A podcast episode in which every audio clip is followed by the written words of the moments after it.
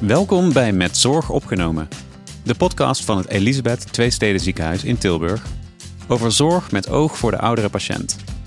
De podcast is onderdeel van het programma Oog voor Broos, bewustwording rondom ouderen onze zorg. Ilona Meiland heeft jarenlang ervaring als verpleegkundige en werkt nu als adviseur van het leerhuis binnen het ETZ. Zij gaat in gesprek met experts op het gebied van zorg voor de oudere patiënt. Je luistert naar aflevering 1 over kwetsbaarheid met Ingrid Klaassen, verpleegkundig specialist geriatrie. Vergeet niet om deze podcast door te sturen naar andere geïnteresseerden. Veel plezier met aflevering 1. Oog voor de oudere patiënt. Ik ga in gesprek met uh, Ingrid uh, Klaassen over kwetsbaarheid. Ingrid, jij bent uh, verpleegkundig specialist geriatrie. Ja, klopt. En ik ben erg nieuwsgierig waarom jij gekozen hebt voor dit beroep op de geriatrie. Ik ben na mijn diplomering als verpleegkundige op geriatrie begonnen. Uh, en ik wilde niet in het ziekenhuis werken. Maar op dat moment waren er dusdanig weinig vacatures dat alleen de ziekenhuizen overbleven. En voor mij was het duidelijk dat het dan een specialisme als geriatrie moest worden, omdat je dan je niet alleen maar met somatiek bezig hoeft te houden, maar juist ook met alle andere zaken die bij een patiënt kunnen spelen. Zoals hoe functioneert iemand, waar woont iemand en hoe gaat het psychisch met iemand. Um, en dat specialisme is me heel goed bevallen. Uh, maar ik wilde graag toch me verder doorontwikkelen. Met name ook meer invloed kunnen uitoefenen op het beleid bij een patiënt tijdens de opname, maar ook ziekenhuisbreed wat meer mee kunnen aanpakken om de kwetsbare ouderenzorg goed op de kaart te zetten. Dus vandaar uh, dat ik verpleegkundig specialist ben geworden. Ja. ja. En ben jij dan ook verbonden aan de verpleegafdeling geriatrie of werk je op veel meer afdelingen in het ETZ? Ik werk uh, vooral op de traumatologie. Dus met name uh, zorg ik voor de oudere patiënten met potbreuken. die ehm, worden opgenomen op de afdeling traumatologie. En verder kunnen jullie me nog terugzien in de consultdienst. Dus eigenlijk uh, ziekenhuisbreed. Ja. Nou, wat leuk. Dan ken je het ziekenhuis goed. Ja, ja. inmiddels wel. En ja. allebei de locaties. Dus dat is, uh, ja, dat is heel leuk. Ja. Leuk, leuk. We gaan het uh, hebben over kwetsbaarheid. En ik vind eigenlijk best wel een hele lastige term. want wat betekent dat nou eigenlijk, kwetsbaarheid? Ja, ja, ik vind het net als jij een moeilijk begrip. Want het, het omvat heel veel en het is moeilijk uh, uh, te duiden. Hè? Want ja, wat is het nu eigenlijk? Er zijn ehm, heel veel screeningsmodellen. Die vullen verpleegkundigen hier ook hè, op eigenlijk alle afdelingen vanaf de spoedeisende hulp af aan in. Ehm, dus kwetsbaarheid is heel breed. Het omvat veel. Er zijn veel screeningsmodellen. En wat het nu precies is, is moeilijk te omschrijven door de veelheid aan definities. Ja, ja, ja. ja. Um, wat me ook wel verbaast is dat we daar een leeftijd aan koppelen. Uh, dus uh, voor de screening bedoel Voor de screening, ja. daar, daar koppelen we 70 plus uh, aan. Ja. heb je als 70-plusser dan meer risico of kwets, uh, kwetsbaarheid? Of, of ben je uh, gewoon kwetsbaar als je 70 plus bent? Ja, de leeftijdsgrens is inderdaad wat arbitrair. Hè? Maar wat we weten is dat hoe ouder je wordt, hoe meer kans je hebt op het ontwikkelen van verschillende chronische aandoeningen. Mm -hmm. die dan vervolgens weer kunnen leiden tot beperkingen in het functioneren, waardoor je dus kwetsbaarder bent. Mm maar het wil, niet zeker, het wil niet zeggen dat als jij 70 bent, dat je per definitie kwetsbaar bent. Hè, dan, uh, er zijn ook hele fitte 70ers. En het wil ook niet zeggen dat als je 60 bent, dat je per definitie niet kwetsbaar bent. Hè, maar uh, doordat het risico op kwetsbaarheid en hè, die meerdere aandoeningen toeneemt met de leeftijd, hebben we deze leeftijdsgrens uh, ingesteld. Ja. ja. dat is helemaal helder. Um, Begrijp ik het dan goed dat je kwetsbaarheid wel uh, koppelt aan het lichamelijke? Of uh, is dat ook op, op sociaal en psychisch uh, vlak zo? Eigenlijk kun je op alle vlakken hè, kwetsbaar zijn. Hè. De ene patiënt is kwetsbaar omdat hij bijvoorbeeld hartfalen heeft. Um, en snel benauwd is en daardoor in zijn functionele of in zijn functionaliteit beperkt is. En de andere patiënt die heeft psychische problemen wat hem kwetsbaar maakt. Er is op zijn patiënten die hebben een, een heel minimaal uh, sociaal netwerk wat hen kwetsbaar maakt. Dus, dus dat kan op allerlei uh, vlakken zich bevinden. Ja. ja. ja. En dan is het heel belangrijk dat verpleegkundigen ook onderzoeken hoe kwetsbaar iemand is. En jij noemde net al dat er veel screeningsmethodes zijn. En dat het ziekenhuis daar ook in keuzes heeft gemaakt. kun je wat meer vertellen over die methodieken die wij gebruiken? Ja, ja, uh, we gebruiken bijvoorbeeld uh, de APOP, hè, het screeningsmodel dat op de eerste hulp wordt ingevuld door de SEH-verpleegkundige. Uh, en in de kliniek wordt een aantal screeningstools ingevuld, zoals de, de CATS-score. Dat is eigenlijk een soort van dagelijks functioneren beoordeling. Mm we, we, bepalen het delierrisico, we bepalen het valgevaar. en met name eigenlijk de functionele beperkingen die iemand heeft, die bepalen daarin wat de kwetsbaarheid van iemand is. Ja. ja, jij noemt dat we daar al mee starten op de SEH. Ja. wat maakt het zo belangrijk om, om direct bij binnenkomst die kwetsbaarheid te screenen? Ja, als, als je kwetsbaar bent, hè, dan loop je het risico op het ontwikkelen van complicaties in het ziekenhuis dus bijvoorbeeld het ontwikkelen van een delier of ehm, eh, functionele achteruitgang uh, tijdens de ziekenhuisopname. Ehm, en als je dat heel vroeg herkent, dat iemand daar risico op loopt, dan kun je ook vroegtijdig interventies inzetten om te zorgen dat, die, dat de, ofwel de risico's zo klein mogelijk zijn, of dat als het toch gebeurt, dat het zo beperkt mogelijk blijft. Ja. ja. Ja. En wat gebeurt er dan als je ehm, door middel van die screening erachter komt dat er een bepaalde vorm van kwetsbaarheid is. Ja, ehm, we vinden eigenlijk dat verpleegkundigen die dat signaleren, uh, interventies moeten inzetten om ehm, de risico's zo beperkt mogelijk te houden. En we mhm. hebben allerlei protocollen in het ziekenhuis, hè, bijvoorbeeld protocol uh, functionele beperkingen. Uh, het protocol uh, de Lier. En daar staan allerlei tips en tools in hè, voor verpleegkundigen wat betreft de interventies die je kunt inzetten om die risico's zo beperkt mogelijk te houden. En daar kun je zelf heel goed mee aan de slag. Dus het is belangrijk dat je niet alleen screent, maar daarna ook interventies gaat precies, inplannen precies. en uitvoeren natuurlijk. Ja, zeker. Ja, ja. ja. Um, nou, kan ik me voorstellen dat het soms best wel lastig is om uh, zo'n screening te doen uh, met een patiënt die je zeker, opneemt. Ja want wellicht is hij wat verwacht of ja, nog onder indruk van de val of, of wordt hij direct geopereerd, heeft veel pijn. Um, is dan de familie een, een, een, goede partij om, om ook te betrekken bij het vaststellen van die kwetsbaarheid? Zeker. Um, het is heel goed om altijd een patiënt zelf te horen, hè, hoe, hoe die erin staat. Want het, is zijn opname, zijn behandeling. Hè, dus dat is gewoon echt heel belangrijk. Uh, maar wat jij noemt, veel mensen zijn onder de indruk. Er gebeurt heel veel als je wordt opgenomen.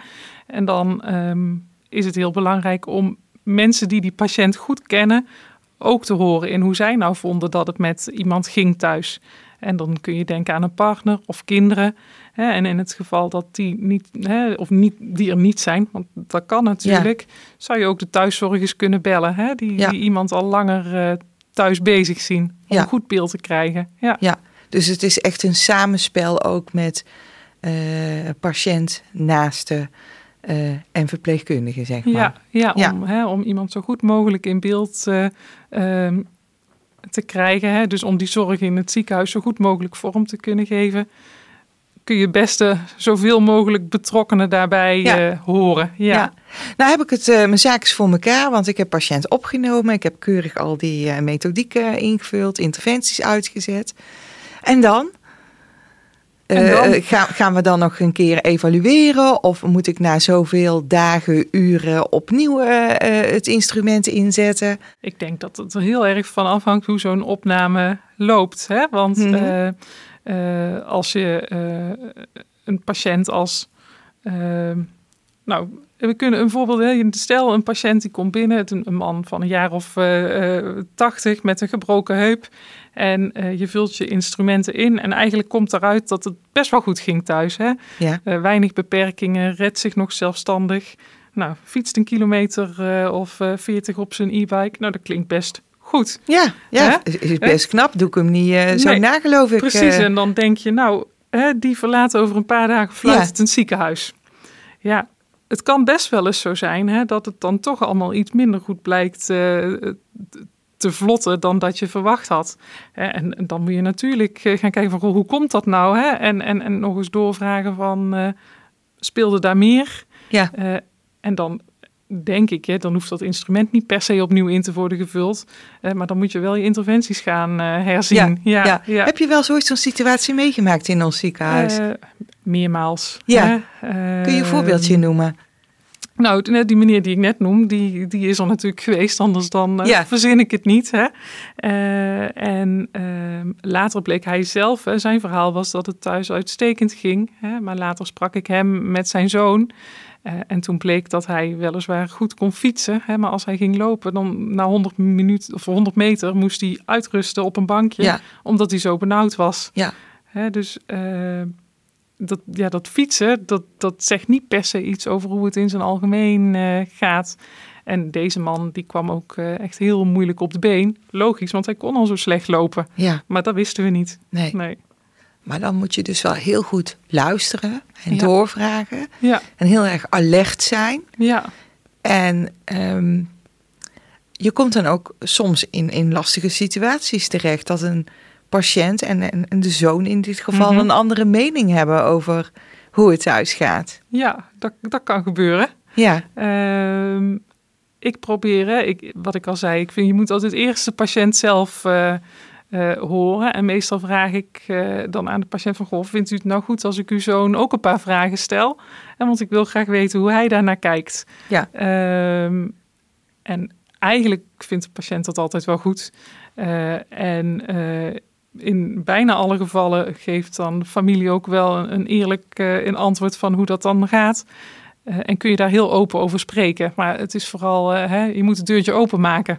Um, als ik jou zo beluister, is er al heel veel heel goed geregeld in het ETZ. Um, ehm, dat brengt mij op het idee van, goh, wij doen een screening bij opname. Ja. Um, maar betrekken we daar ook wel eens de thuiszorg, de huisarts, de zorgverleners van voor de opname bij? Te weinig, denk ik. Ja.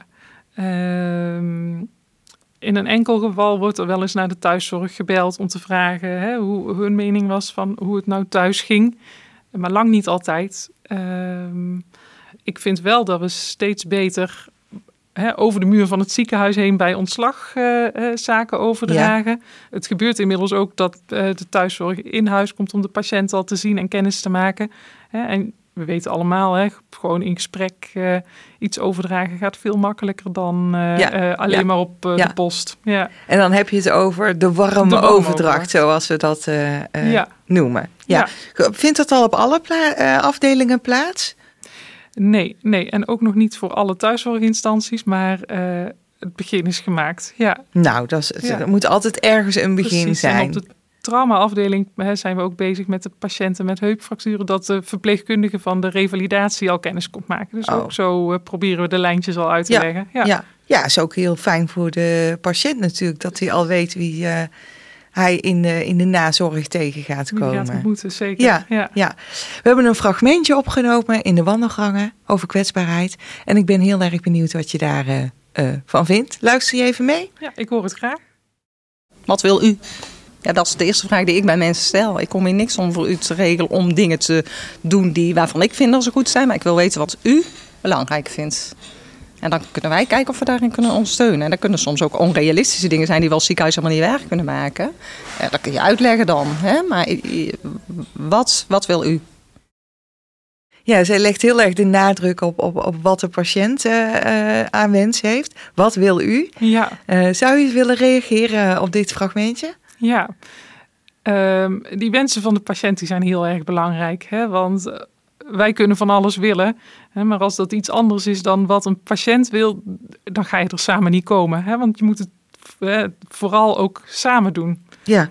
Niet de zorgverlener en de patiënt alleen, want dan ga je er niet komen. Um, en um, wat zij ook eigenlijk zegt is, hè, zie die patiënt, hè, of zie de persoon die die patiënt uh, uh, is.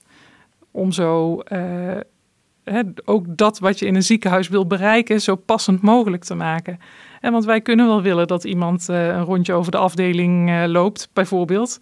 Hè, maar als iemand thuis heel die intentie niet heeft en eh, de gang van het toilet naar de voordeur om de deur open te maken voor zijn bezoek genoeg is, nou, dan is het misschien ook gewoon genoeg. Ja. dus ehm, heb daar oog voor. Ja. Wat wil iemand? Wat kan iemand? En wat gaat iemand daadwerkelijk doen? Ja, ja. ja dat, dat, dat vind ik wel heel mooi gezegd. Uh, ik weet uit ervaring ook dat het soms best wel zo lastig is om uh, de mens achter de patiënt uh, te zien. Ja. zeker als een patiënt in een pyjama in bed ligt en zich niet lekker voelt. Misschien uh, zelfs delirant is. Hè? Ja, misschien wel. Heb je daar nog een, een, een tip voor? Hoe, hoe, hoe, wat, wat kan je dan helpen om toch echt die persoon te zien die daarachter zit? Wat ik altijd heel fijn vind is als er bijvoorbeeld ergens een foto staat van, van hoe iemand, nou pak een beetje, een paar maanden eerder was. Hè? Omdat ja, soms dan zie je iemand in bed en die is gewoon echt ziek, in de war. Um, en dan kun je je bijna niet voorstellen dat die persoon een maand geleden nog uh, uh, met zijn dochter op het terras een kopje koffie zat te drinken. En als je dat dan toch op beeld wel ziet, um, dan maakt dat soms de benadering van je patiënt al heel anders. Ja. Um, en gelukkig zie ik het steeds meer, hè, dat er de foto's mee worden gebracht. Er zijn dan vaak uh, foto's van kinderen, kleinkinderen en dergelijke. Maar hè, een foto van die patiënt zelf is zo illustratief. Ja. Dus ik denk, ja, dat zou ik wel mee willen geven Ja. aan uh, verpleegkundigen. Dat Ja. ze daar eens naar vragen. Ja, een foto van een patiënt met zijn kleinkinderen. Bijvoorbeeld. Hè. Twee vliegen in één klap, eh, zeg maar. Precies. Ja, ja. ja, mooi. Betekent kwetsbaarheid ook dat je afhankelijker wordt? Dat je eigen regie gaat kwijtraken? Dat kan wel gebeuren. Hè. Kwetsbaarheid is vooral dat je hè, weinig reservecapaciteit hebt, waardoor je dus zo makkelijk complicaties eh, krijgt, vooral tijdens de ziekenhuisopname. En eh, die complicaties zorgen ervoor dat iemand afhankelijker eh, is. Hè, dus als je hier in het ziekenhuis komt en je ligt een paar dagen in je bed en je verliest je een groot deel van je spiermassa, dan kan het best zomaar zijn dat jij eh, niet meer zelf naar het toilet kan lopen. Nou, en hoe afhankelijk ben je dan? Hè? Ja, Ja, ja. Ja.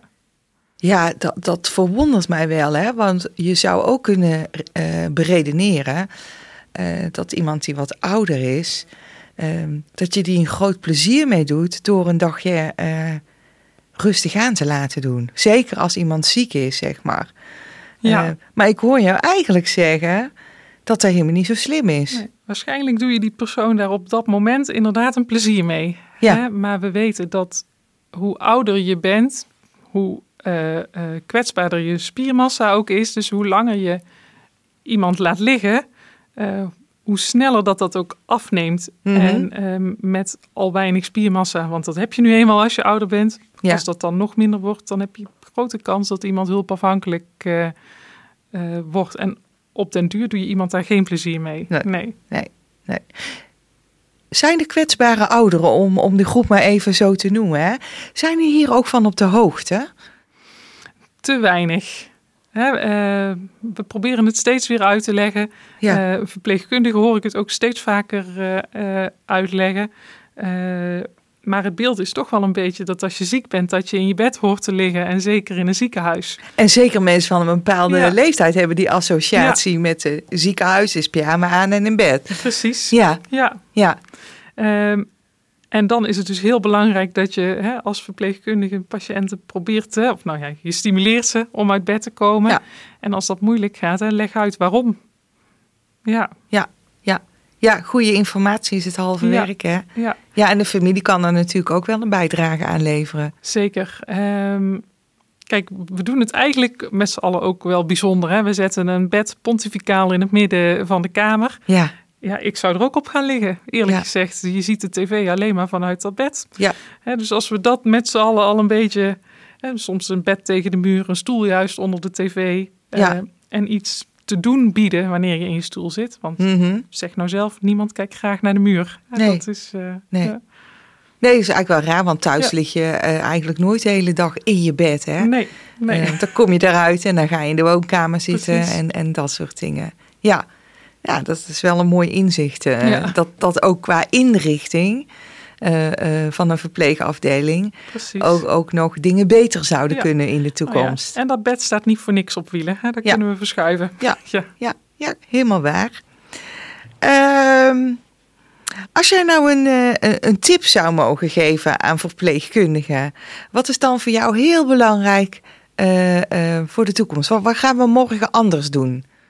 Um, dan vind ik het heel belangrijk dat we met elkaar goed kijken naar wie die patiënt is. Wat zijn wensen zijn en doelen voor een opname. Um, en daar goed op doorvragen. En zodat je echt samen aan het werk bent om het beloop van een opname goed te laten gaan en ook de doelen van die patiënt behaalt. Hè? Dus niet alleen wij willen dat iemand beter wordt en op de been komt, maar je wilt dat samen met elkaar. Ja, ja mooi. Mooie woorden. Ik wil je ontzettend bedanken, Ingrid, voor alle informatie die je gegeven hebt.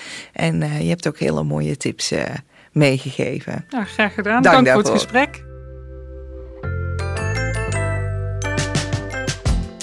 Je luisterde naar aflevering 1 van de podcast Met Zorg opgenomen. De podcast van het Elisabeth II Steden Ziekenhuis in Tilburg. Volg ons en vergeet niet om anderen te vertellen over deze podcast. Stuur hem door naar vrienden, familie en bekenden. Graag tot de volgende keer bij aflevering 2. Zien wat je niet ziet, waarin we het hebben over atypische ziektepresentatie.